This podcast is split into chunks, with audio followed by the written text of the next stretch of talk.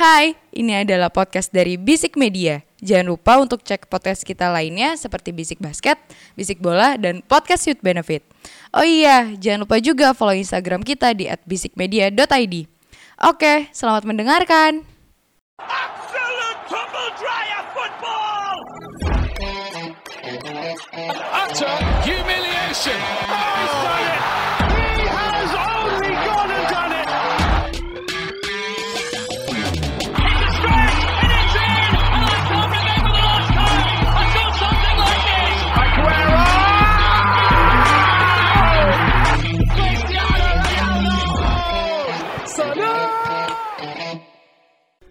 Bisik bola. Selamat datang di Bisik Bola, sebuah podcast sepak bola yang bahas bola-bola yang bergulir eh, dari eh, 28 tahun. Sampai bertambahnya usia. Kita bahas secara tidak alergi masa lalu. tapi Happy birthday Agus. Dua tahun lagi kepala tiga. beban beban beban. Udah mulai masuk ke umur bukan lagi early, bukan middle tapi late. Late, late late, late 20. Late 20. Oke, Makasih, se- makasih, sebelum makasih, kita makasih. memulai ya, mari kita selama sama mengucapkan selamat ulang tahun kepada Agus ahli Spiltak dan ahli Liga Inggris kita ini. Wow. Semoga di usianya yang 28 tahun ini semakin eh, semakin bagus ya gocekannya untuk menggocek-gocek wanita ya. Amin, amin, amin. Amin. Karena ya kasihan teman kita yang satu ini udah lama jomblonya. aduh, Cikai, cikai, cikai. Straight to the point ya Anda ya Ji ya. Eh, tuh dua tiga empat lima enam tujuh ada delapan grup maaf ya, saya agak-agak bego kalau Banyak, dikasih banyak. angka. Jadi di grup A itu ada Ajax, Liverpool, Napoli, Rangers. Di Yes. B-nya ada Porto, Atletico, Leverkusen sama Klub Brugge. Yes. Di C-nya ada Bayern Munchen, Barcelona, Inter Milan sama Victoria Pleasant. Di D-nya ada Eintracht Frankfurt, Tottenham Hotspur, Sporting ini Sporting Club tuh eh, Lisbon. Portugal ya, Lisbon ya. Iya, sama Marseille. Grup Eropa tuh. Yang Masih. Marseille. Marseille. Marseille. Oh iya. Marseille, Marseille. Olympic Marseille. Juara dua Pak. Ah. Pak. Grup Eropa. Maaf maaf maaf lupa lupa. Di grup E ada AC Milan, Chelsea, eh, Salzburg tanpa Red Bull karena Champions. Enggak boleh. Iya. Nggak boleh. Rasenball. Rasenball. Oh. Sama eh, Dinamo Zagreb. Di, Itu grup neraka itu. Oh, ah, syarat sejarah tapi Gila, lu. kecil ya. di F itu ada Real Madrid, eh, Leipzig, Shakhtar Donetsk sama Celtic. Yes. Di G itu ada Manchester City, Sevilla, Borussia Dortmund sama ini apa nih Copenhagen, Alah bayar FC. Copenhagen. Dan di grup H itu di grup terakhir itu ada eh, PSG, Juventus, Benfica sama eh, Maccabi Haifa ya. Ya. Yes. Eh eh gimana nih? Ini grupnya sebenarnya nggak ada yang berbahaya berbahaya banget. Cuma ada satu grup yang berbahaya. Menurut menurut ini menurut gua ya nggak tahu kalau menurut kalian. Yaitu grup C yang isinya eh, Barcelona, Inter Milan sama eh, Victoria Pleasant. Ini eh apa ya? Ada yang mau menanggapi dulu nggak buat yang ini? Gue gue cuma kasih sama Victoria Peasant sih. Kenapa tuh? Dia harus ke champion pakai lolos jalur playoff, preliminary, playoff. Langsung ya numpang lewat doang. kan dapat duitnya banyak kalau di Champions League. Ya buat Victoria Pleasant mah duitnya oke lah. Tapi gue agak agak nggak terima aja Liverpool pot 2 Ajax pot 1 Eh apa Li- Liverpool pot 2, Ajax pot 1. Ya kan kalau pot satu kan based on juara liga kan. Makanya Iya. kan. Anjing Liverpool pot 2 bangsat Gue Liverpool pot 2 Ajax pot 1 Anjing Males banget ngeliatnya Sama Sporting Lisbon itu juga pot 1 Eh enggak pot 2 ya Pot dia dua. Pot 3 Eh, pot tiga, pot tiga. Pot 2. Eh gak Oh iya iya terima benar aja. benar. Ya, ya yang yang ngelihat aneh lagi kemarin sampai teman gue bingung di kantor itu eh, Frankfurt Ya, ke pot karena di kan pot satu Eropa. Eropa. Iya. Temen kok Frankfurt di pot satu bukannya juara liganya ini ya Munchen ya? Eh bego, kemarin di juara Eu- Eropa anjing. Itu ilmu bola teman Anda yang emang kurang. Gue pikir Rangers itu Kayak kayaknya Hmm. ini under influence deh kayaknya. Under influence. Makanya agak-agak giting dia. Hmm. memang mabuk itu menyesatkan ya. Aduh, jangan gitu dong. Iya, cuman kalau ngeliat drawing kemarin eh, ng- eh, pembagiannya cukup menarik ya. Maksudnya Kenapa? persebaran kekuatannya cukup men- anjay, ya kan, Cukup merata. men- kecuali grup Tottenham ya itu enggak Eh, Nah, layak itu gua nggak setuju emang. Ya, Bentar, Nggak bentar, layak bentar, buat bentar, Eropa bentar, bentar. itu. untuk Males menjadi banget sebuah grup champion kan. Spurs, Sporting, eh, Frankfurt sama Marseille. Ya, tapi yang gue harapkan kalau memang cocok logi ini berhasil, Ronaldo kan lagi mau pindah klub Ya. dan satu-satunya yang logis adalah Sporting Lisbon. Nggak mau dia. Isu ya dia nggak mau tapi ibunya kan berpesan kan. Sejauh-jauhnya kamu pergi pulanglah ke kampung gitu. Oh, Chelsea gak mau nampung. Mahal Ji. ya, gue Kan duit lu masih ada. Bisa, bisa. Cuman Daripada beli ini eh Aubameyang. mending obat Ji. Karena kehadiran Ronaldo itu merusak ya. Oh, Merusak gitu. tim, merusak mental tim. Oke. Cuman kalau untuk ngelihat champion nanti, apalagi tadi Pani sempat mention kan ada aturan Eh. baru kan. Hanya 8 tim yang uh, auto qualified, 8 sisanya adalah dari best point. Buat gue ya eh, jadi sekarang champion lu zo- eh, fokusnya adalah mencari juara grup gitu loh. Iya. Dan pet- perseba- peta persebaran kekuatan ini cukup menarik gitu loh. Nggak menarik sih sebenarnya karena udah Gak menarik iya. ketahuan top-topnya siapa. Iya.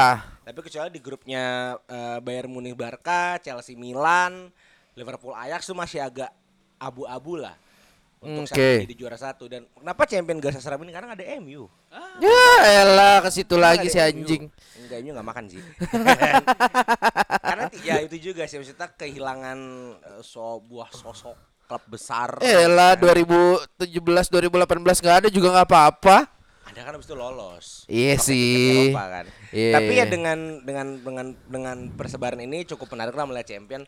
Apalagi menurut gua kan ada kemungkinan kuda-kuda hitam, ada kuda-kuda hitam baru sih. Yang Oh, akan, oke. yang akan eh, menarik. Mungkin Rangers bisa jadi kuda hitam menarik.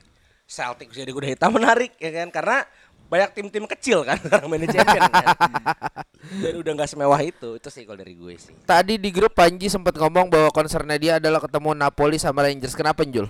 Eh, kalau untuk Napoli sendiri karena kita udah sering ketemu ya bisa dibilang ya. Ya. Jadi beberapa tahun ke Oh iya, belakang benar, ya benar. di saat klub eh, take over waktu Liverpool masuk lagi Liga Champions 2017 memang 2018 juara ya. Eh, 19, deng, eh, sorry. Tahun depannya. Ah, Kita tuh sering banget ketemu Porto, ketemu Napoli, ketemu Ajax. Oke. Ketemu Porto, ketemu Napoli, ketemu Ajax ini dua dari tiga itu ada di grup ini masalahnya. Iya betul, tapi gue lebih bete ketemu Napoli karena kenapa? Eh historically kita kalau ketemu Napoli itu selalu KG. Dan Oke. ada satu gue udah gue mungkin mau prediksi liar aja kali ya. Dan ini Ah. biasanya kejadian nih. Menit 88 away ke Napoli, Napoli buat gol, Napoli menang 1-0, golnya gol jelek. Biasanya kayak gitu. Biasanya kayak gitu. Eh, udah, udah, udah berapa kali sih lu ketemu Napoli? Eh em- eh, kalau secara seluruh- keseluruhan atau Di di Champions beberapa tahun terakhir? beberapa aja? tahun terakhir aja. Ya ketemu di grup itu dua kali. Oh, dua kali tahun kali. 8 2018 2019 itu satu grup. Oh, beru- berurutan. Urutan Oke. eh, sebelumnya gue lupa tapi di, di 18 19 itu gue inget banget tuh bete gue ngelawan dia tuh nggak nggak enak lah ngeliatnya. Seri apa kalah waktu itu? Di Napoli kalah, Di Napoli kalah, oke. di Anfield menang 1-0 doang. Oke. Itu kalau nggak menang Liverpool nggak lolos itu. Oh.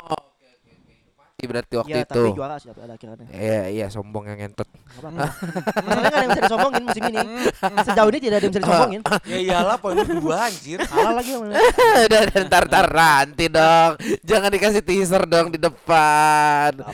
Kalau Agus sendiri nih eh Munchen Barcelona sama Inter gimana Gus kira-kira di grup C Gus? Tambahan mungkin gimana sih jadi fans netral nonton Liga Champion ini? Oh iya. Udah fans netral, gue paling niat nonton uh, drawing uh, Champions League Oh, betul. dari dari aplikasi Champions League loh itu dedikasi gue buat Champions League musim ini sih. Cuman kalau menurut gue em, nggak tahu ya kayaknya pot 4 ini terlalu kurang menurut gue timnya. Hmm.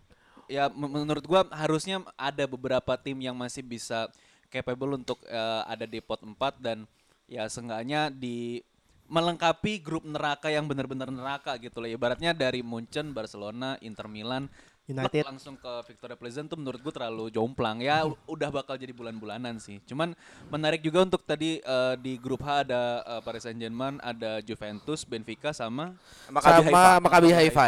ya itu lagi kan eh, agak-agak jomplang ya dari klub eh, Israel satu itu. Mungkin ini saatnya kebangkitan sepak bola Eropa, Bang. Ah iya bisa jadi sih. Kecil itu. Bisa jadi, bisa jadi. Cuman kayaknya nggak tahu yang bakal nurun kayaknya dari segi eh, Kualitas. pemain ya kualitas juga. Cuman ya menurut gua eh, lumayan ya tadi bener sih udah disinggung sama Imol eh, untuk di musim ini Champions League-nya lumayan merata dari segi eh, keikutsertaan eh, perwakilan negara-negara di Eropa dan ya menurut gua eh, dari grup C sama grup H akan menam- eh, menghadirkan eh, pertandingan-pertandingan seru sih dengan adanya Munchen lawan Barcelona di mana Lewandowski akan reuni langsung ketemu Bayern Munchen di eh, PSG lawan Juve, Di Maria juga langsung ketemu sama Paris Saint-Germain, langsung eh, reunian. Sama satu lagi Haaland ketemu Dortmund ya di di Iya. grup G kalau nggak salah. Ya betul di grup G. Ajang ketemu mantan. Ya, seru Iya sih mantan ketemu mantan. Eh, eh, itu doang ya yang mantan ketemu mantan ya? Ada Tomori Giroud ke Oh ketemu Chelsea. iya. Ketemu Chelsea. Gimana mau ketemu mantan dua yang eh, lumayan bagus yang satunya ya di AC Milan kita tahu. Sebenarnya gak deg-degan Milan sih. Karena eh, dari segi permainan musim kemarin walaupun seradak seduduk Ah, tapi Milan tetaplah Milan gitu loh yang yang menakutkan timnya solid sedangkan dibandingkan Tuchel yang 3-4-3 karatan ini ya yang dibantai oleh Leeds gitu kan. Tapi secara sepak terjang Chelsea di eh, grup ini menurut lu gimana dengan Jauh, jauh. Oh, oke. Hanya bertemu Salzburg. PD ya, PD ya. Hanya bertemu Salzburg, bertemu AC Milan dan satu lagi gue lupa siapa? eh, Salzburg, AC Milan sama sama satu lagi siapa anjing? Zagreb. Dinamo Zagreb. Dinamo kan. Zagreb. Apakah Dominik Levakovic akan main? Ah, Livakovic, Iya, Livakovic, Livakovic. Dominik Levakovic akan main. Eh itu menjadi big big question ya. Cuman untuk langkah Chelsea cukup jauh. Tapi yang sangat gue suka Champions League adalah adanya dua klub Skotlandia kan. Fun fact ya ini untuk pertama kalinya Celtic dan Rangers masuk ke group Liga stage Champion. setelah tahun 2009 terakhir. Anjing. Barengan ya, barengan. Barengan ya, barengan ya, bukan Ya. terakhir. Ya terakhir ya. Kan menarik kan. Maksudnya kita sama-sama tahu cerita Rangers sebelum era Gerrard masuk ya. dan eh, klub yang bangkrut eh, bangkit dengan cepat unbeaten era Gerrard juara kemarin semifinal Eropa sekarang ada di Final. panggung tertinggi Eropa kan Fin- final apa Kemarin sama final? ya kemarin final Oke. sama Eintracht Frankfurt lagi-lagi sebuah final Cuma- yang sangat tidak elit. Coba Fra- Frankfurtnya saya berhasil mengalahkan Barca dulu. ya. Makanya cocokologinya masuk. betul. Dan sekarang ada di panggung Eropa. Dan Celtic sebagai rival abadi tetap ada. Ini menarik buat gue sih ngeliat dua tim ini bermain di di panggung tertinggi Eropa sih. Oh, itu yang sangat gue gue kayak akan nonton sih Rangers dan Celtic ini Wow, bermain wow. Yang pasti sih nanti away ke Scotland pasti bakal feisty sih. Pasti hostile sih. Old Firm tuh penontonnya yang, gila-gila. seti- yang segrup sama Rangers siapa Gua Liverpool.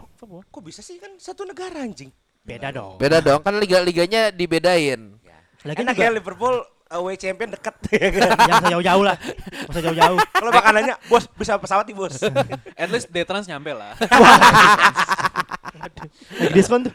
Aduh. ini kayak Mitra Kukar ketemu FC Sarawak Oh, iya. Anjing. Beda negara tapi satu satu darat Sa- satu beda daratan, negara iya. bener-bener Cuma kan lu ke Scotland masih nyebrang laut dulu kan seinget gue ya.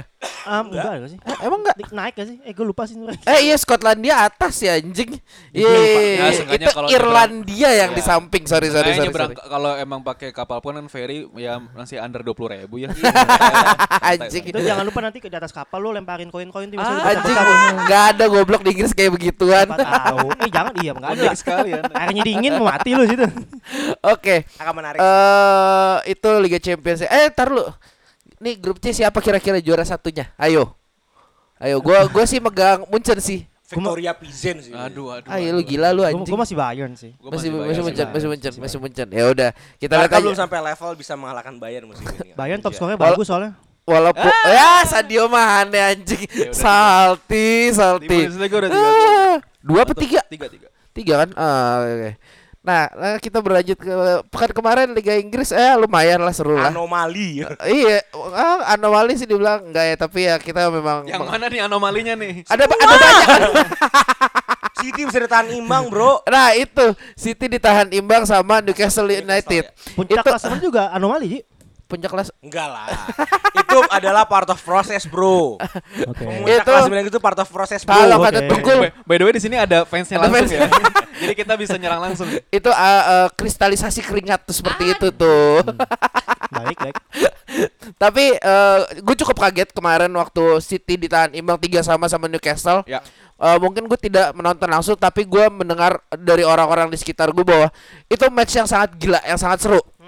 Eh, itu lo di mana lo mau nyari definisi main sepak bola terbuka adalah pertandingan itu. Ini walaupun baru match di tiga ya.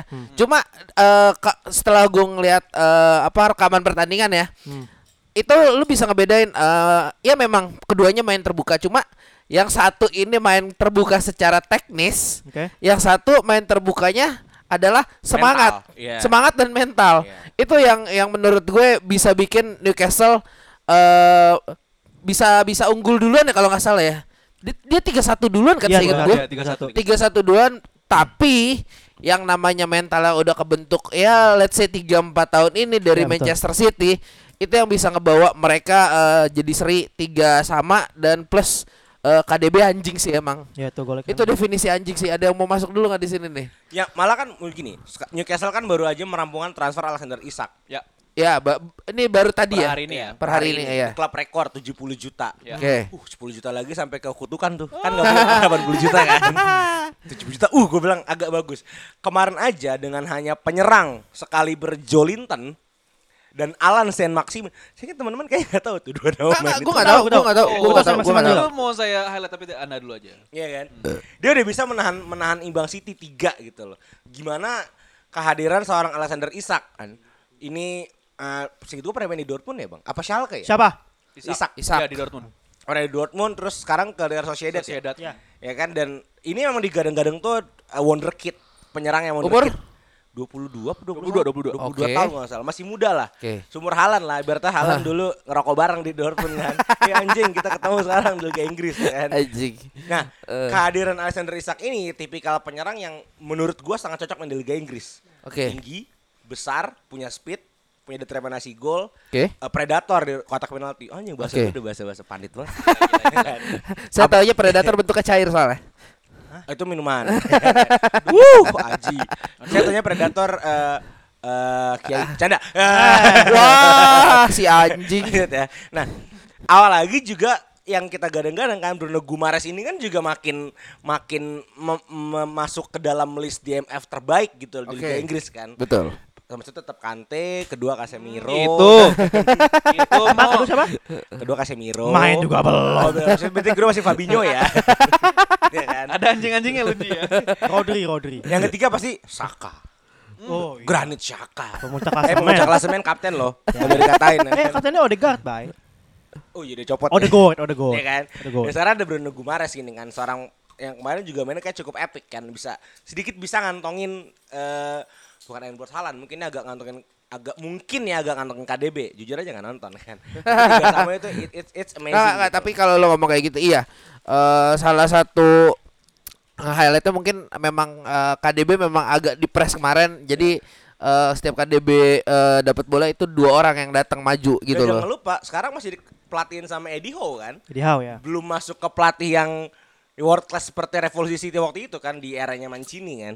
Ini masih Eddie Howe yang kemungkinan Eddie Howe juga akan diperpanjang gitu kan. Bagus nah inilah udah mulai move on pergerakan Revolusi Newcastle udah mulai kelihatan gitu loh dengan menahan imbang itu prestasi tertinggi loh oleh tim yang sudah sangat OP buat gue dengan squad Newcastle sekarang misalnya imbang City itu mungkin orang akan bilang itu baru satu match bro tapi setidaknya ada harapan baru dan akan jadi big seven sih Inggris ke depan Anjay. Waduh nambah lagi anjing. Bukan Nggak Big Six, Tottenham keluar.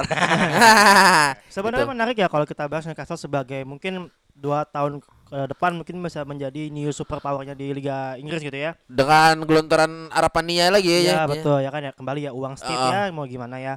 Karena kalau gue lihat kalau pribadi gue ngeliat eh trajektorinya sama kayak City waktu awal-awal dibeli sama eh, orang Qatar itu. Em, mungkin tidak langsung Syekh Mansur. ya, ya siapa lah gue lupa namanya. Eh mungkin tidak langsung jor-joran beli pemain tapi pelan-pelan gitu karena juga City seperti, dulu seperti itu kan.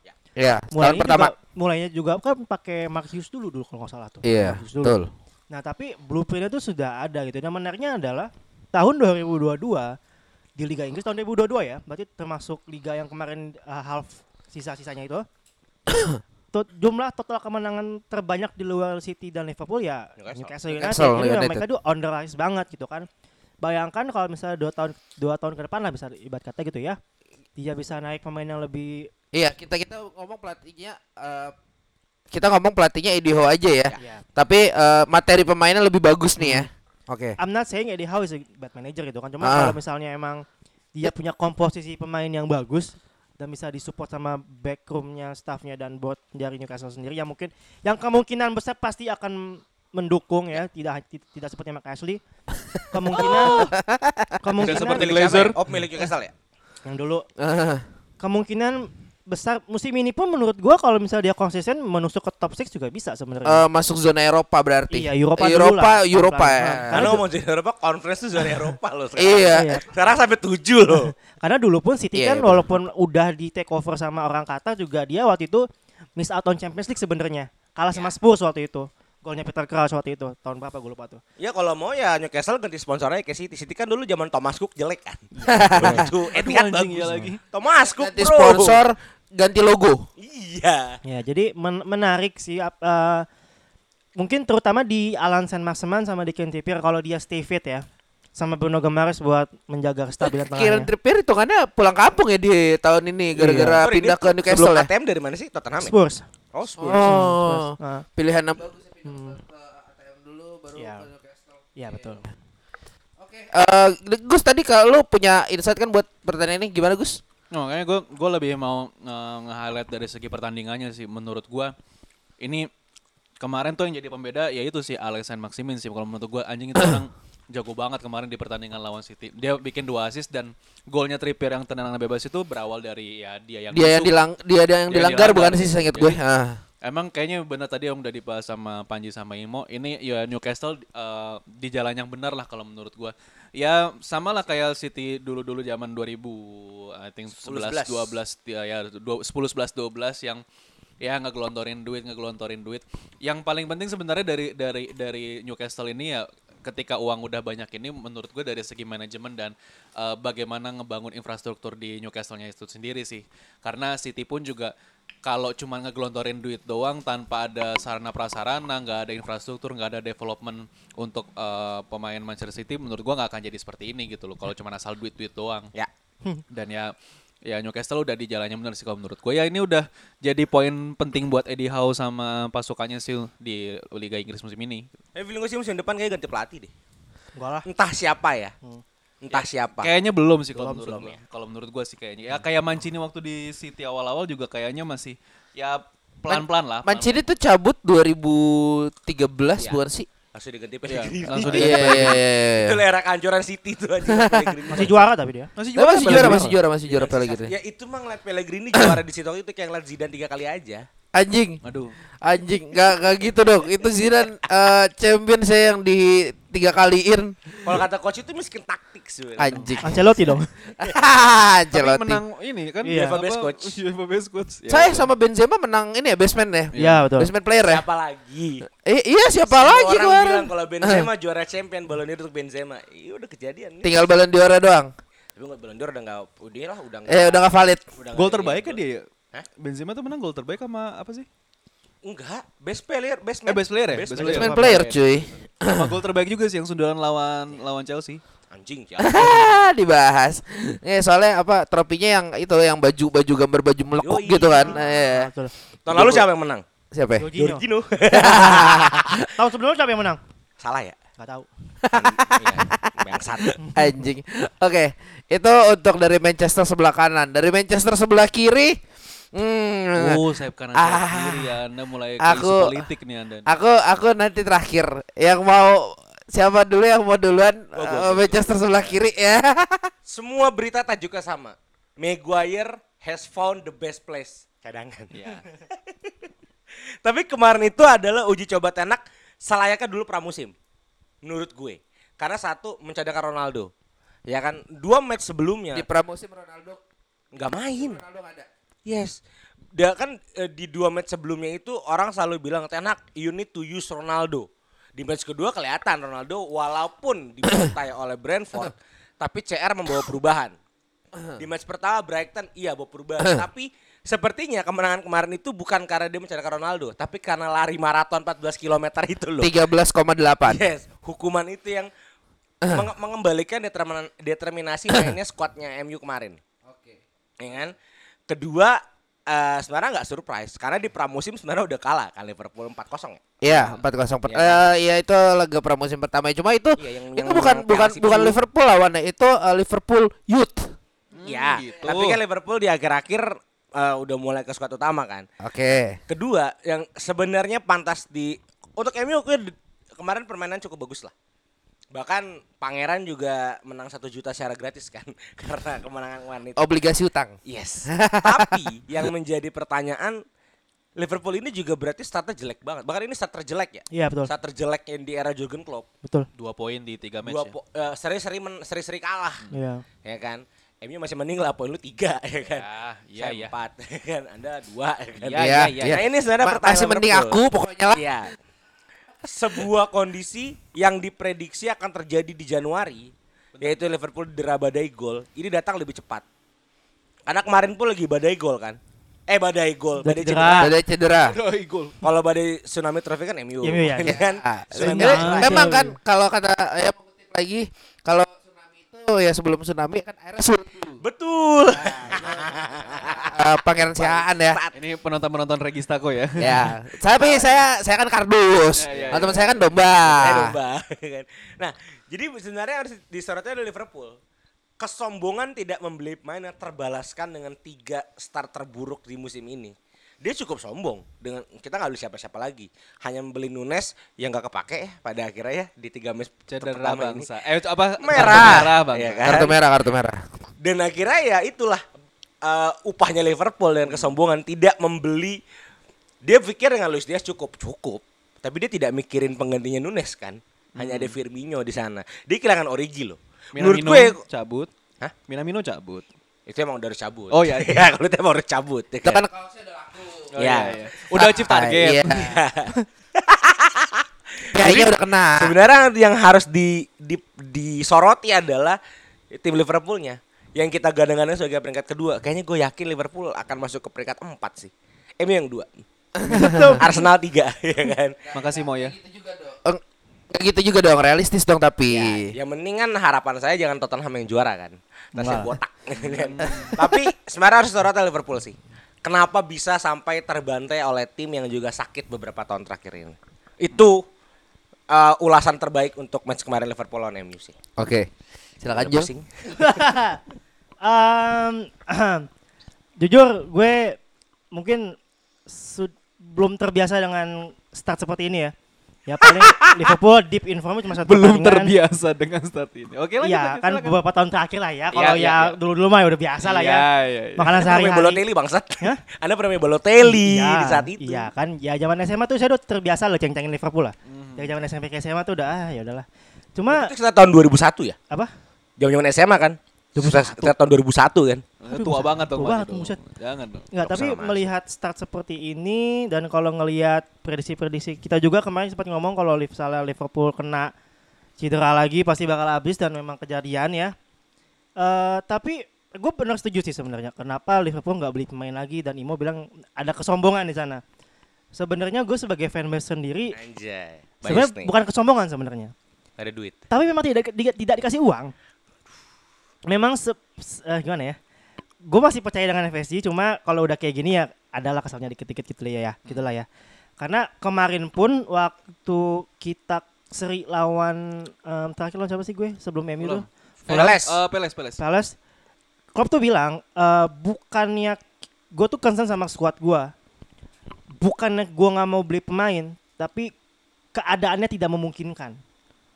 It- itu udah kelihatan dia udah mulai ngeluh tuh, udah mulai ngeluh tuh. Feeling gue sih dia udah ngerasa, sebenarnya kurang, midfield tuh kurang karena tengahnya aging dan lo nggak bisa expect buat mereka tuh untuk stay fit lama.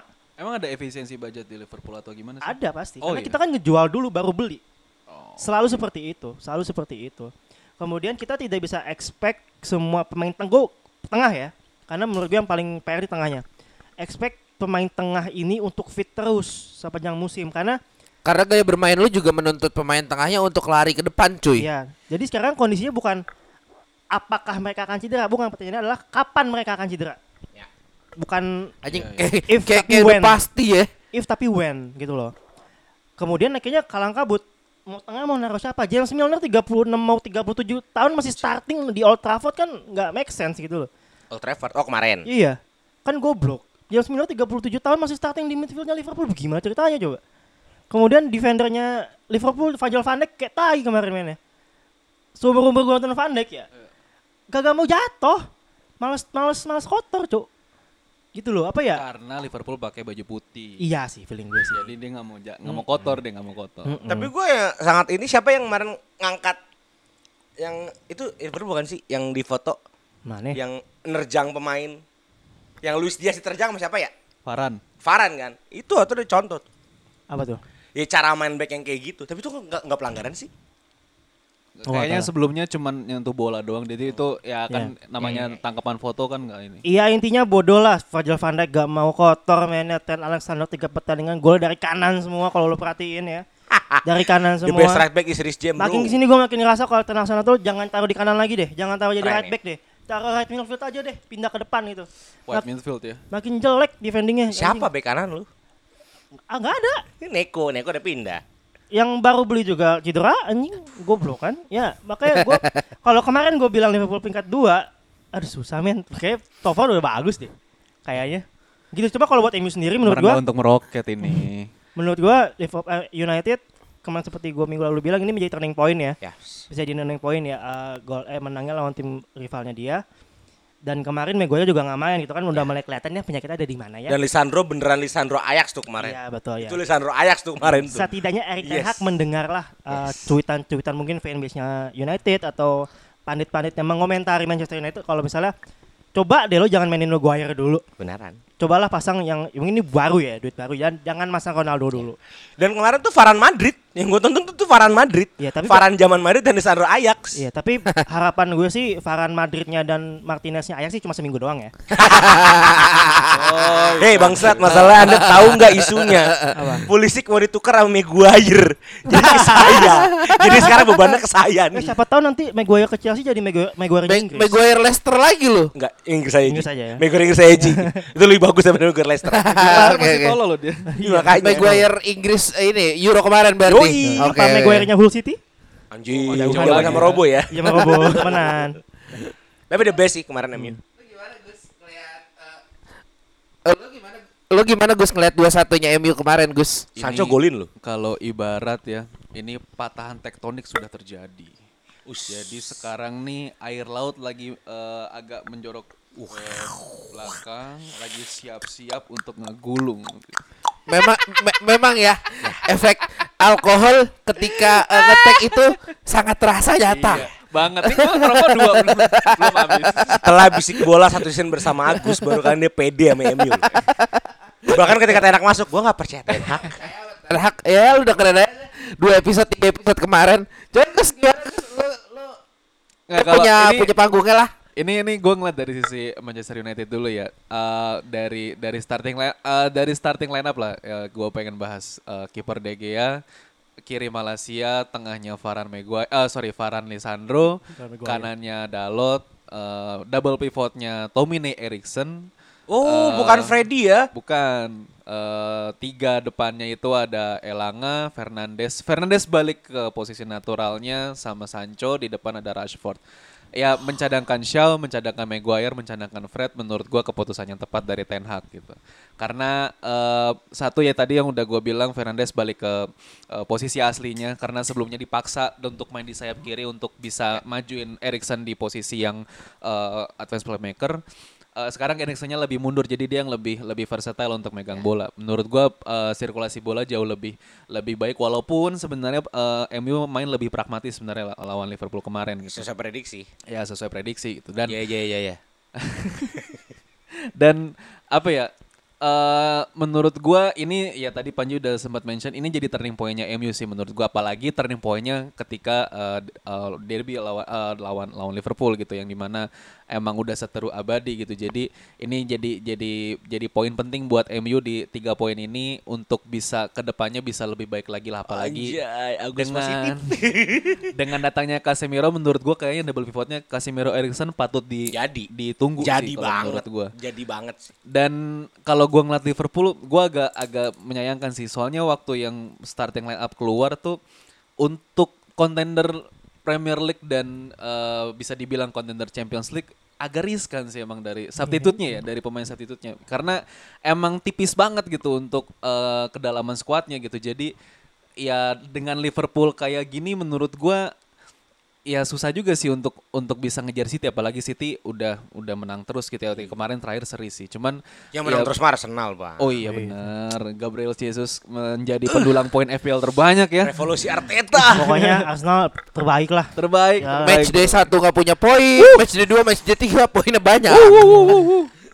Cuman ya itu sih yang gue lihat ini jadi turning pointnya MU untuk untuk bisa lebih baik lagi lah. Gue nggak tahu, gue lupa Ya. eh, next match lawan siapa. Cuman harusnya sih bisa menang lah. Yang gue suka sih Roma. kemarin deb- bukan mungkin debut ya Malaysia. Oh ya, Ngantongin salah, Bro. banget. Ini seperti ngelihat 2-3 tahun lalu ketika Tomori debut ngantongin salah juga. Salah emang harus dibunuh sama back-back dengan pelari cepat kayak gini.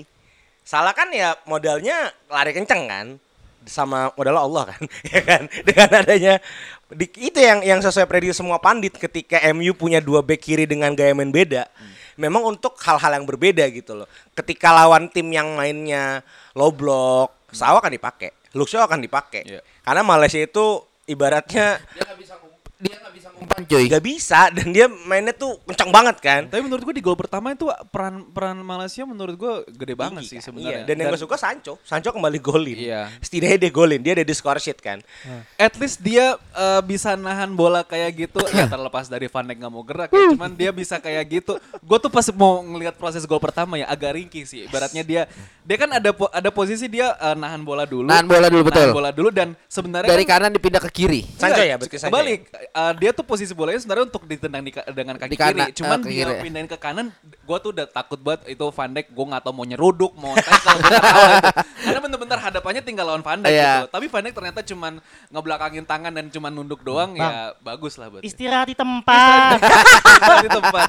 Goblok. Dan satu yang gue suka Rashford kembali ke posisi awal ya kan. Eh, striker, Dia iya. memang waktu itu born to be striker kan. Iya, Alexander betul. ini jangan lupa itu Alexander ya. Gitu.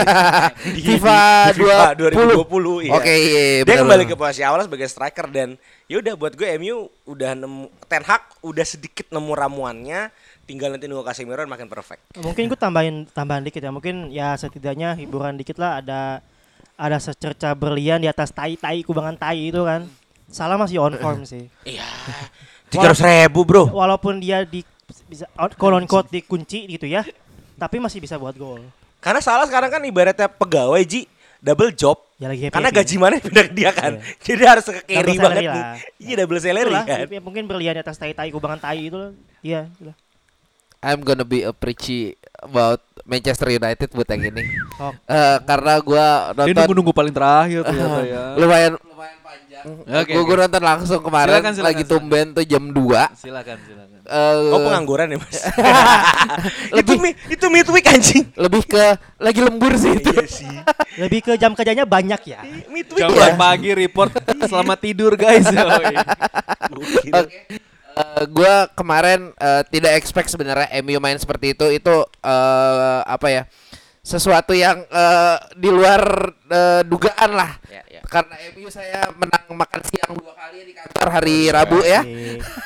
Judi judi judi. Ter- terima kasih Bapak Dionysius Adia Girardi Eh, Ngedengerin Iya, dia, ngedengerin. Hah? Ngedengerin. biasanya kedengerin sih Berarti itu main judi ya? Halo bang.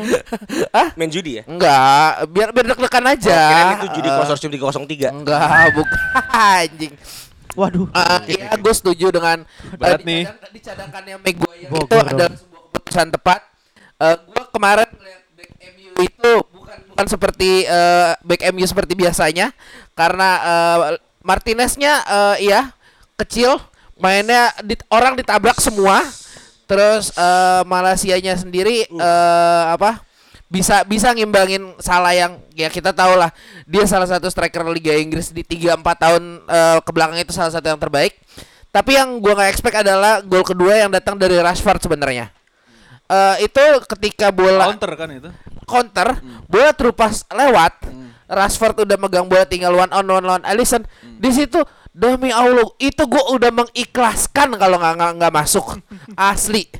Karena karena ya gue gue sering komen kan eh, kalau Rashford itu striker yang oke cuma dia nggak bisa finishing. Dia nggak bisa finishing. Cuma kemarin gua nggak tahu kenapa dia bisa finishing dan untungnya jadi gol. Cuma emang eh sebenarnya kalau gua mau ngasih rapot merah sebenarnya gua mau ngasih ke Bruno Fernandes. Eh dia terlalu banyak main eh, telenovela kemarin ya. ya agak ya agak drama sih. Dan eh, ketika salah ngegolin itu dia kayak ngekeeping ball gitu. Wajar lah. buat namanya. buat apa Buang biar nggak dibawa ke tengah buang buang waktu. waktu gue tahu buang waktu cuma nggak nggak gitu nyet nggak gitu dan dan sebenarnya MU tuh masih punya eh, di babak kedua tuh ada satu atau dua peluang gitu yang sebenarnya bisa dikonvert jadi gol salah satunya adalah eh, dari gue lupa dari Martial Inilah Elanga lah. Dari- Elanga dari- yang tiang tuh. D- nggak dari dari Martial dari Martial eh, Van de Beek udah udah siap itu Alisson udah jatuh Babak kedua ya itu ya. berarti. Cuma gue lupa kesapu duluan kalau nggak salah bolanya atau atau eh, bolanya deflect arahnya berubah itu satu dan kedua itu adalah di saat Ronaldo udah masuk tuh sebenarnya ada satu momen eh, yang lu bisa counter eh, fast counter di situ. Cuma sayangnya itu nggak dikonvert jadi gol. Itu eh ya satu, em, lagi ngabis-ngabisin waktu bolanya di keeping. Memang udah apa? Mungkin Itu eh, pragmatis. Iya, udah udah udah apa instruksi dari eh, Ten Hag mungkin di situ. Karena kemarin kesurupan Conte Ji. Conte tuh begitu kalau udah leading Iya iya iya. mundur mundur mundur. Cuma mundur. ya sebagai orang yang sedang menikmati, ini kayaknya bisa nambah lagi nih. Itu tuh nggak enak banget cuy. Lu kayak udah udah udah mau ngecrot, lu abis itu dibilang eh aku dapet ah anjing sih itu anjing Ji. itu itu itu nggak enak banget cuy itu nggak enak Mau banget itu nggak ditampar ntar kena undang-undang. iya benar benar benar benar di situ tapi overall eh a- apa gimana? Lo? Oh, apa? Nggak ngerti. Anjing lu. Makanya Gue mau visualisasi. Iya, makanya, makanya. Lu udah mau ngecrot terus tiba-tiba dia dapat gimana?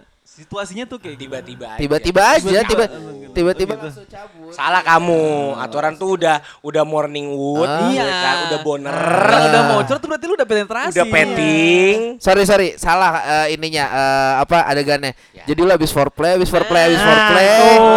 udah udah ngats banget nih Kalau anda Ah. udah mau cerot udah penetrasi terus tiba-tiba Ta- dia dapat tuh gimana tapi caranya? tapi lo lupa jadwalnya pas lagi dibuka dia bilang aku lagi dapet aja ya. Ah, gitu Eh, Rusak kali Nah, ini, semua anjing. Rusak kali episode ini, Le. Cuma eh ya itu gua ini cuma satu match Ya. tapi ya buat gua lebih Titik baik lebih baik menang lawan Liverpool eh, daripada eh apa masih masih baik lebih mendingan nggak dapat liga tapi menang lawan Liverpool daripada lu dapat liga tapi kalah lawan Liverpool. Dan gol Sancho kan kemarin langsung jadi eh, match of eh, goal of the week MU kan. Karena dua dua match sebelumnya gol of the week MU adalah bunuh diri. Dan ini cuy apa eh ya kan? Ya kan? Bunuh diri loh. gue gue kemarin tuh nge- ngelihat eh akunnya Manchester United yang internasional tuh ngepost meme apa ya? Eh oh yang itu yang eh salah salah salah itu. Iya, iya. Pas Milner ya itu yang jatuh ya. Iya kali. Enggak, tapi pada akhirnya bentar bentar bentar bentar Panji mukanya sudah tidak ikhlas di sini. Enggak, masalahnya admin United Indo tuh menyebelin emang. tapi sekarang udah boleh, udah udah berhak buat nge-tweet MU nih senggol Ya, bos, apa-apa. udah boleh. Fair play, fair udah play, boleh. fair Oh, iya. sama aja mau IG mau Twitter sampah. Iya, Pokoknya ada eh, dua akun sampah di Twitter MU Indonesia sama Extra Time. sa- tapi eh, ya ini satu pertandingan masih ada 35, 35. lagi. ya. Eh gua nggak tahu akan bisa konsistensinya seperti apa. Hmm. Ini tahun pertamanya Ten Hag dan kita nggak tahu Ya. masih akan ada satu atau dua pemain datang Yes. lagi atau enggak nih sampai tanggal 31. harusnya ada, harusnya ada. Ya harusnya ada cuma Kiper sih. Ah, kiper. Sih. iya. Frankie De Jong fotonya anjing tebat. Nggak, itu agak agak sulit agak Yang sulit paling agak sulit. santer sih antara Cody Gakpo dari PSV sama Antoninya Ajax sih. Gakpo. ya, oke oke oke. Cody Gakpo. Oh, Ayak sudah mau here we go kok. Ah? Udah mau here we go. Udah mau here we go. 90 juta. Iya nggak apa-apa yang penting jangan 80 juta. Iya, makanya lebih 10. Itu Yang oke dong. jangan 80 juta nggak apa-apa 90 juta. Yang penting bisa nambel di depan dulu nih. Eh dan eh, gua nggak tahu mungkin nanti gua akan bicara panjang lagi ketika eh, MU tuh di bulan Oktober tuh ketemu Tottenham habis itu langsung ketemu City di Rapel tuh dua minggu. Itu yang mungkin akan bisa jadi highlight buat gue lagi Ten Hag ya. eh, untuk menentukan gimana nih MU di second half-nya eh, Premier League dan mungkin Europa League-nya nanti kayak gimana ya, gitu ya. sih buat gue untuk yang itu. Yes. Ayo, ada yang mau nambahin lagi? Buat Kayak MU? intinya glim- glimpse of hope-nya masih ada, terlihat. Tanak juga udah mulai nemu ramuannya. Bagi nanti, ya gue sih berterima kasih ya Anthony itu ke MU ya. Karena karena saya kejual. Oh iya, benar benar. Pulang karena ya dia. karena Pulang. skemanya kayak gitu Anthony Pulang, ke MU sih ke Ajax dia ke kan. Iya. Jadi gue sangat, gue mimpi gue untuk MU peringkat dua akan ter, ter- terjauh sih musim ini. MU akan kompetitif. Amin, amin. Gue Kecuali ki- eh, kalau kipernya diganti ya. bisa ngomong amin aja udah. Eh lalu Liverpool 6. anjing. Gue sih berharapnya Spurs juara sih biar dia botak aja. Bangsat. Janganlah. Sulit deh, agak sulit deh. Kemarin soalnya terakhir lawan Wolf aja menang 1-0. dan eh, nggak nggak nggak begitu bagus juga sih Ah, mainnya. karena nggak bagus. Eh, karena ya sama kayak Chelsea kan kita tahu eh, apa manajernya lagi nggak ada kan ya dua-duanya gara-gara kartu merah ya. Tapi dia menang, Bro. I- iya. 2-0. Ya itu kiper suruh Ya. tetapkan hatinya mau ditendang apa mau dikiping. Kiper terbaik tahun berapa dia mah? Gua Dua tahun lalu. Dua tahun lalu ya. Oke. Alah itu gara-gara menang champion aja itu. Eh, itu lagi bagus, Bro. Iya. Ah. Iya. Iya, kiper 16 juta you expect, Bro? Ah, iya, iya. Oh iya benar. Aduh, ngomong-ngomong tadi striker mau datang ke MU. Barca punya striker baru kan ya nih ya. Udah ngegolin berapa? Dua. Oh, Gua- Lewa. Lewa. Ya Allah, iya bener-bener. yang bener-bener. yang tapi gua nggak biasa lo ngeliat Barca punya voucher gitu anjing aneh lo mainnya sumpah. pernah Eh, ketika lu Suarez, Suarez tapi tapi tidak setinggi itu. tapi tidak gitu. Lebih ke target man sih bukan Iya. voucher sih kalau menurut ibaratnya lu Suarez tuh masih lu masih apa ya bisa bisa ngambil bola turun ke belakang agak turun ke Turun lah, belakang. turun lah. Apa? Iya mau turun. Mau masih mau turun Lewandowski Ba- kan bahkan- positioning cuy senjatanya cuy. Menurut gua kayaknya bukan target forward lagi sih udah complete forward karena menurut gua CF, ya. Lewandowski masih mau lari loh, bu- nggak nggak nggak kayak eh, ya Halan atau Ibrahimovic yang emang benar target forward. Kalau menurut gua Lewandowski masih mau untuk turun ke belakang, masih mau untuk Drogba bisa lah. jadi eh, te- apa eh, pemantul gitu loh. Jadi ya complete forward menurut gua cocok Lewandowski. Cuma menurut gue sama gak sih Cak kayak mainnya Pep dengan eh, Safi kalau dikira-kira kayak gini komposisinya lu ya ibaratnya dua-duanya orang yang ngerti tiki taka lah ya, yang bisa ngepoles tiki taka itu seperti seharusnya dan eh, tiba-tiba dua-duanya mainnya punya ada target mainnya di depan. Walaupun masih bisa dibilang eh, punyanya City masih lebih lebih enak ya dilihatnya daripada Barca. Yang Ada emang lebih baik. Hah? Yang Bude emang lebih baik kan. anjing. Um, Sebenarnya kalau ngomongin Safi sama Pep gitu ya, menurut gue emang saat ini sebenarnya udah bukan tiki taka lagi sih, lebih ke possession yang emang benar-benar eh, sistem possession system gitu loh. Jadi kalau misalnya emang mau start build up ya lo bener-bener dari posisi dulu gitu loh. Tidak hanya tersekedar positioning yang eh tidak hanya sekedar megang bola aja gitu dan kalau misalnya kita ngomongin striker besar di depan menurut gue kalau emang Safi memang blueprintnya adalah waktu dia diajar sama Pep Guardiola mungkin eh translate kenapa diambil Lewandowski gitu kan. Memang kalau kita ngomongin tentang striker gede segala macam sebenarnya tidak ada salahnya karena di Munchen pun sebenarnya kalau Kita tidak ada salah, salah di Liverpool. Iya betul. Ya. betul. Ya, Di ya. Munchen pun dia sudah terbiasa dengan servis-servis yang enak gitu ya. Jadi udah nggak kaget walaupun di Barcelona mungkin servis tidak akan seenak waktu jadi Munchen gitu ya. Dan masih masih harus settle juga sebenarnya Lewandowski itu masih ada proses settlement juga karena dia dua satu week satu pun dia nggak ada kontribusi apa-apa. Kemudian tiba-tiba jadi dua gol gitu kan ya. Pada kembali pada striker bagus dikasih dua tiga peluang pasti akan bakal bakal bikin gol gitu loh. Kecuali Jadi- Lukaku ya. Iya, jadi memang kalau gue lihat memang eranya false nine yang emang itu udah udah mulai terkikis. Sekarang. Sekarang udah mulai terkikis. Tiki taka pun menurut gue udah hilang dari entah kapan tahu. Jadi memang sekarang emang lo ada peluang ya lo buat gol, lo butuh butuh complete forward ini. Dan itulah kenapa Xavi mencari orang itu kan tahun lalu juga nggak ada. Ada sih Aubameyang sih, ada sih. Ya cuma mungkin dia ada. Calon penyerang saya ya. Iya. Cuma kan kalau Aubameyang kan emang sikapnya ya. Justru gue nggak sepakat sih kalau dibilang era false nine kegeser ya. Mm-mm. Sama studi kasus dari City musim lalu. Juara liga pakai false karena sekarang sekarang kondisi Liga Inggris itulah menurut gua lagi tren false nine. Saya Ya nggak apa-apa. MU ya kan. Eh, beberapa tim lah udah mulai era-era false karena striker sekarang itu udah mulai menipis stoknya. You it. Sebentar, sebentar, sebentar. MU kemarin nyoba-nyoba false nine 4-0 tuh masalahnya. Oh iya sih. Saya lagi false nine ya kan. Anda pun kemarin false nine loh Berhasil nggak? dengan Firmino. Tim Anda sih Musim ini loh gue bilang. Saya juga gagal Ah. sih. Sebenarnya gini men, sebenarnya gini men.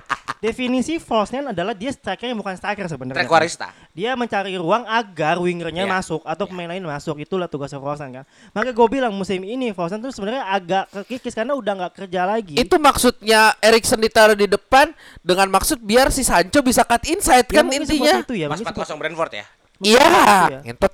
Mungkin seperti itu ya. Karena begini, st- eh, studi kasus deh, Arsenal, uh, Oh. Gabjes, Yes. Gabjes menurut gua kan striker, bukan Ya. false nine lagi dulu nggak pakai Sekarang striker. striker. Musim kemarin false nine. Karena memang nggak kepake kemarin di City kan. Ya. Terkadang mainnya out of position gitu kan. Ya. Coba deh, Dor- City sih pakai Haaland. Memang musim lalu dia pakai false karena keadaan, Ya. karena keadaan dan memang masalahnya main lini dua lini tiga aja bisa buat gol masalahnya. Jadi ya no, no problem gitu kan. Ya itu gue bilang false udah nggak kepake, Firmino juga udah jadi sampah Nah. kok. Gue gua ada ada ada sedikit input sih kalau untuk soal false nine ya. Sebenarnya false nine itu bukan eh, posisi darurat ketika lu nggak punya striker. Sebenarnya false nine bisa diisi sama striker.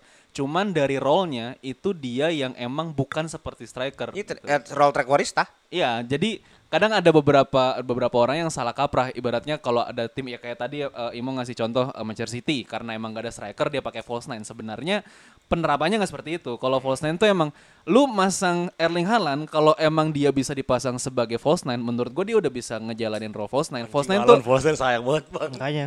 Tapi sayang banget. secara secara kebutuhan sayang cuman kan tergantung kebutuhan pelatih kayak Strategi, gimana iya, kan iya, iya. false nine tuh kan ibaratnya lu sebagai striker tapi bukan Pengalih. striker dalam artian ya lu lu jemput bola lu eh, ibaratnya eh, bukan jadi pemantul sih ya tapi lebih eh, apa ya distribusi bola lebih Ya. lari ke lu gitu loh Messi pun pernah jadi false nine gitu jadi emang Itu era Spanyol 2010 tuh. Ya, ketika penyerangnya Fabregas. Fabregas kan. Makanya sebenarnya eh, ya cuma gue cuma pengen lurusin sih kalau kalau posisi false nine nih bukan seperti Kondisi. seakan-akan kondisi eh, apa namanya eh, posisi darurat ketika lu bener-bener nggak punya posisi striker gitu loh.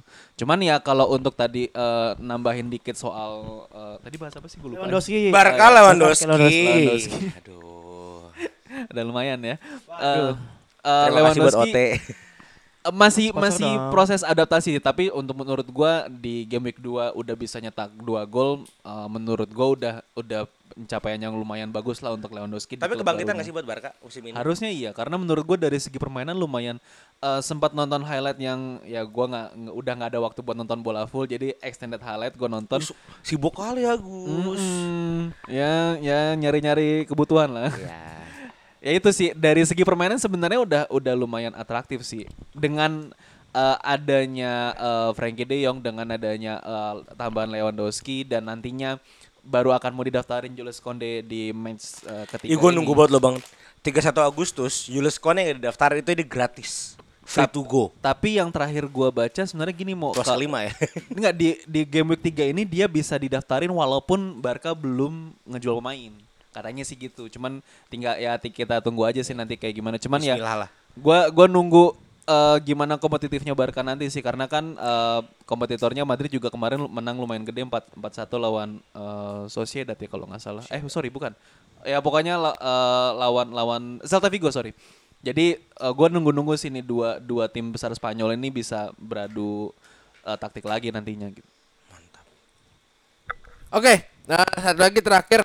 Eh, eh, ini titipan dari birthday boy. Yes. Eh, kita mau membahas Hadiah kita eh, hadiah kita Hadiah buat lagi. Agus. Agus sepertinya akan eh, ngomong panjang lebar soal Bundesliga yang kemarin katanya dibilang Liga Petani. Kenapa Gus? Nggak sebenarnya gini sih berawal awalnya Mulai. dari ya sebenarnya eh, menariknya apa yang pengen gua bahas sekarang tuh kemarin udah dibahas di podcastnya Spell Takindo eh, salam hormat dari bisik bola Asik. Penjilat Guten Abend. Eh, gini sih sebenarnya awalnya tuh dari ada eh, jurnalisnya Guardian gue lupa namanya siapa dia pokoknya bilang eh, Apotek itu Hah? Julius Bu- Apotek ah, Oh bukan Guardian apotek ya bangsat Gak nemu lagi buat Gue lagi mikir lagi. Ngebatanya pakai api ya gitu Gue mikirnya ke lagu. Yo Guardian Angel. Ya. Avenget, Avenget ya Avenget, Avenget Bukan. Bukan. Jamsut. Jamsut. Pernah manggung di Jacklot tuh. Apa tadi gue ngomong gue lupa Sebelum Jakot hijrah ya, ini kan apa eh, jurnalis Guardian Oh ya, ngomong. Ya, ya. Jurnalis Guardian ngomong kalau sekarang Bundesliga sudah tidak kompetitif lagi. Bahkan dia mengusulkan kepada Bundesliga kalau eh, setiap Munchen main ini udahlah eh, ngepur satu lah ibaratnya Munchen gitu. Bangsat Iya dia ngomong kayak gitu ngepur satu lah gitu. Cuman gue pikir-pikir dari tiga match harusnya MU tetap eh, Munchen tetap dapat sih ya. Pertama menang 6-1, kedua 2-0, kemarin lah menang 7-0 gitu. Jadi ya tetap dapat gitu. Cuman yang gue pengen pengen gue highlight ini sih sebenarnya. Em, emang sih eh, Munchen ini emang udah eh, udah merajai Bundesliga lah. Kita nggak nggak perlu nggak perlu membantah itu gitu loh. Cuman bisa dibantah. apa ya menurut gua harusnya dari tim-tim pesaingnya itu sih yang harus at least bisa nempel gitu. Ironisnya kemarin ketika Munchen menang 7-0, pesaing-pesaingnya tuh pada kalah, Leipzig kalah, eh, Leverkusen bahkan belum punya poin sama sekali, tiga kali kalah, Leipzig kemarin juga kalah. Eh, Eintracht Frankfurt cuman seri, hanya Munchen Gladbach yang punya potensi buat bisa nyaingin Munchen gitu. Jadi kalau menurut gua tuh apa ya? ya Liga Petani itu kan disematkan orang-orang karena ada satu tim gede di beberapa tim yang kecil-kecil terus dia bisa menang gede dan bisa ngambil pemain-pemain yang ada di bawahnya gitu. Kan, Prancis. ya ada yang gratis ada yang beli juga. Cuman Tapi kan ini yang juara loh. Prancis, bukan gratis. Oh, Pra- oh, iya, Prancis. nah kalau Prancis kan saya nggak ada referensinya ya karena kan dulu kayaknya nggak ditayangin di TV. Dulu kan Bundesliga ditayangin di TV jadi lu Ditayangin. nonton. Oh channel. Karena sekarang ini. Iya iya. iya. dulu-dulu kan kurang gitu. Jadi eh, Bundesliga ini emang emang jadi terlihat sama orang-orang tuh nggak menarik untuk ditonton karena itu gitu. Kalau menurut gue sih ya dari lu nggak mesti nonton Bundesliga karena eh, Bayern Munchennya yang juara atau kayak gimana. Cuman kan lu bisa bisa ngelihat dari yang lain. Pemain-pemain football manager juga lu nyari-nyari pemain muda juga Pasti. ke Bundesliga anjing Pasti. gitu loh. Itulah nama Liga Petani namanya, Bang. Iya, yang Karena bisa memanen. Iya sama manen gitu. Ya itu menurut gua apa ya? eh, musim lalu sebenarnya MU eh, Munchen tuh eh, MU mulu gua anjing. Kenapa Gus? iya, Lagi kenapa? iya. MU iya nggak apa-apa, senang aja Iya, Gus sama. MU Gus. Enggak, musim lalu sebenarnya banyak sih kesempatan kayak Dortmund atau Leipzig bisa untuk at least nempel ke Munchen gitu loh. Bahkan eh, Munchen musim lalu eh, sempat kalah juga lawan Bochum 4-2. Cuman nggak ada ya itu sih yang yang jelek dari pesaing-pesaingnya eh, dari Munchen yaitu inkonsistensi dari penampilannya gitu loh. Kemarin anjing Dortmund tuh udah menang 2-0 sampai menit 88 lo bayangin. Menit eh, sampai full time kalah 3-2, golnya cuma beda-beda semenit 2 menit gitu. Itulah yang yang kurang dari pesaing-pesaingnya Bayern gitu loh. Jadi inkonsistensinya itu yang masih masih masih ada gitu. Itu sih yang pengen gua highlight. Jadi menurut gua ya kalau tim Liga Petani nggak ada masalah sih kalau buat gua. Kalau gue mungkin bilangnya mungkin di dua tahun terakhir ini yang harusnya jadi pesaing Munchen itu kan RB Leipzig. Tapi Harusnya. jangan lupakan di tahun kemarin dua pemain kuncinya cabut kan, Dayot dengan Werner. Walaupun Werner udah kembali. Ya udah pulang kan tapi yang Ya, sudah kembali pulang kan. Nah, buat gue eh, tim-tim di bawah Bayern Munchen ini prinsipnya seperti Ajax. Develop player, jual mahal, uang baru, develop kembali. Sedangkan kan Munchen mindsetnya adalah compete to Europe. Ya dengan menandatangani Sadio Mane. Buat gue itu mindsetnya Munchen adalah gimana caranya kami dengan uang yang sedikit juga. Sebenarnya kan Munchen nggak terlalu kaya dibandingin tim-tim top 5 league Bener, lainnya kan. bener. Tapi kami compete ke Eropa. Itu satu fokusnya. Mungkin harapan ini ketika Dortmund beli 11 pemain ya. Berapa sih? 5 pemain, 6 pemain ya. Nggak nyampe 11 cuman banyak Ya, lah. cuman banyak. sayangnya kan salah satu pemainnya kan kanker ya. Eh, tumor belum kanker. bahkan nggak cuman nggak cuman si Haller doang mau hampir beberapa pemain barunya tuh Fail. pada pada cedera malah. Ya. ada Emi cedera eh Schlotterbeck kemarin cedera sulit cedera Ya, tantangannya di situ kan. Bonya eh, eh, eh, yang punya mindset untuk compete sebenarnya cuma Dortmund. Ya, tapi ketika melihat gue sebenarnya masih berharap tahun ini setidaknya Leipzig akan mengganggu sih. Di balik sentimen Werner kembali ya, karena Werner kan eh, the best player ya. yo yo yo Karena masih nonton Chelsea. bener Gue sangat berharap di tahun ini apa yang diprediksikan oleh jurnalis apotik tadi ya, Jonas Guardian tadi dengan Agus bilang sepertinya di perjalanan ke depannya Bundesliga sih akan kompetitif. Terbukti dengan koefisien liga cukup naik. ya Eh, ya karena pemain-pemain dari Bundesliga juga bisa dipanen gitu Iya. kan. Tapi yang harus dipunyai oleh klub Bundesliga adalah mindset untuk ya bertanding gitu loh. Bukan mindset menjual pemain. Ya kan karena banyak talenta talenta yang bagus di Bundesliga. Dikembangkan eh, dengan tim-tim top 3-nya lah. Itu yang diharapkan gitu loh. Karena Munchen juga sejujurnya buat gue dari beberapa tahun terakhir ini walaupun juara di 2020 tapi udah mulai kelihatan inkon- inkonsistensi sih bang. Ketika pembelian Lucas Hernandez itu 60 juta. Itu di luar kaidah Munchen itu beli pemain semahal itu kan. Tapi Munchen pun juga ya harapan gue seperti ini. Serie A 6 7 tahun terakhir Juve merajalela tiba-tiba musuh lamanya gelontorin uang. Strategi bagus pelatih bagus kegeser. Dua tahun terakhir kan juaranya Inter dan AC Milan. Yes itu kan kejadian di Bundesliga.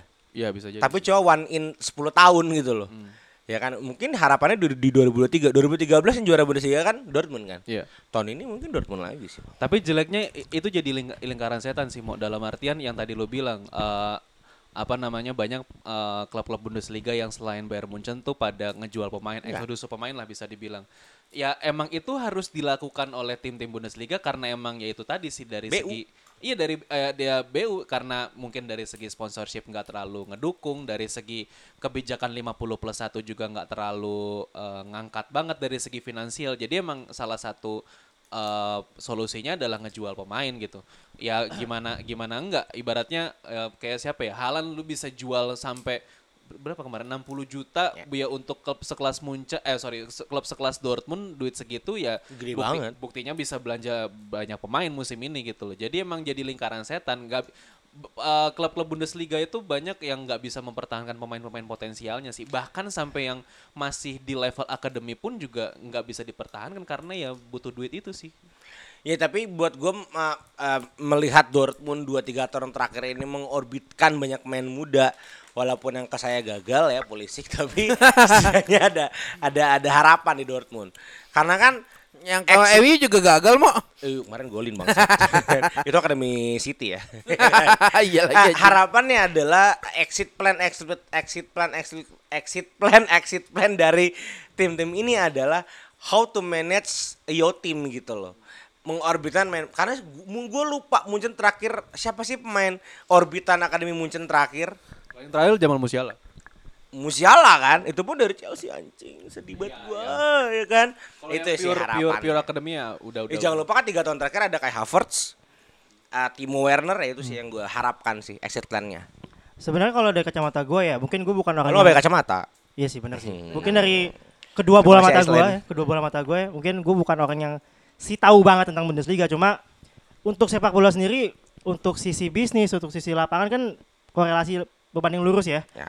Kalau kita lihat liga-liga, kan tadi misal dibilang eh, Jerman koefisien liganya naik kok. Ya. Tapi dilihat dulu, kalau kita lihat historik historinya ya kita ya, kita ngomong Liga Champion lima tahun terakhir klub mana sih Jerman selain Bayern Munchen yang tembus ke quarter final? quarter final Iya. Leipzig doang Leipzig doang gitu loh. Koefisien mungkin ketemu sama Munchen gitu dan mental untuk mendevelop player ini menurut gue yang harus developer mendevelop player itu bukan hal yang bukan hal yang jelek menurut gue. Cuma mental menjualnya yang mungkin harus ditahan Ya dulu. iya itu kalau menurut gue bakal jadi ini. Lu bukan eh, mindsetnya bukan udah bukan sepak bola lagi, udah bisnis. Cuma gimana cara dapat kapitalnya? No, no, no. Capital capitalnya adalah menjual pemain. Ya. Lu nggak nggak Nggak, nggak tunggu, tunggu. bikin Ya. ini. tapi ngejual itu bukan karena klubnya I know, I pemain know. yang mau pindah Nah, Oke, makanya ya. gue belum selesai.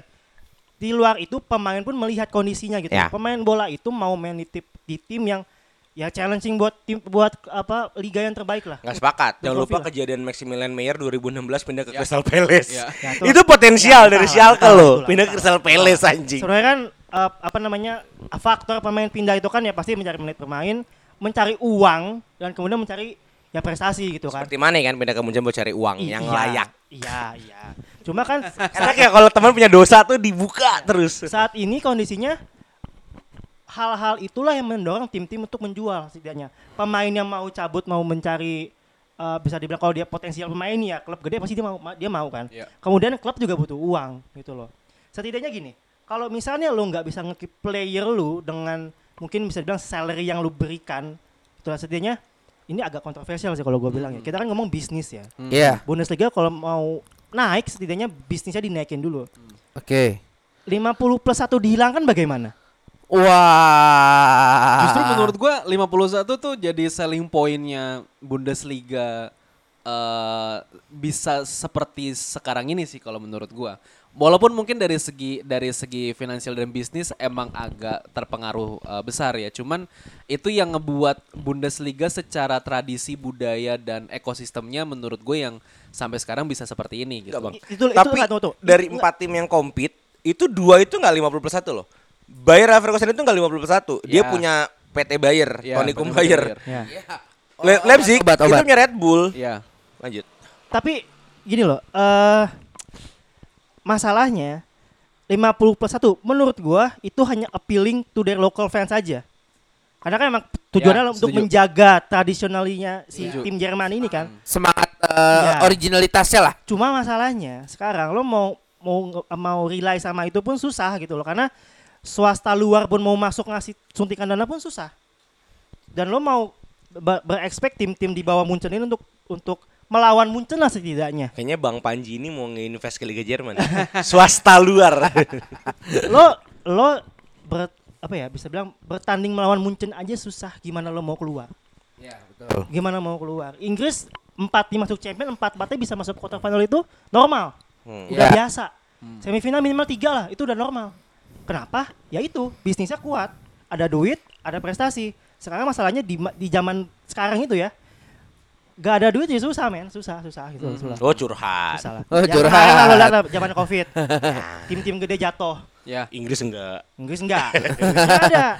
Ya itulah. Jadi memang kontroversial gitu. Tapi kalau misalnya emang lo mau maju setidaknya ada yang harus di Korbankan, ya. Tapi bukan I'm not saying kalau 50 plus 1 itu jelek, enggak.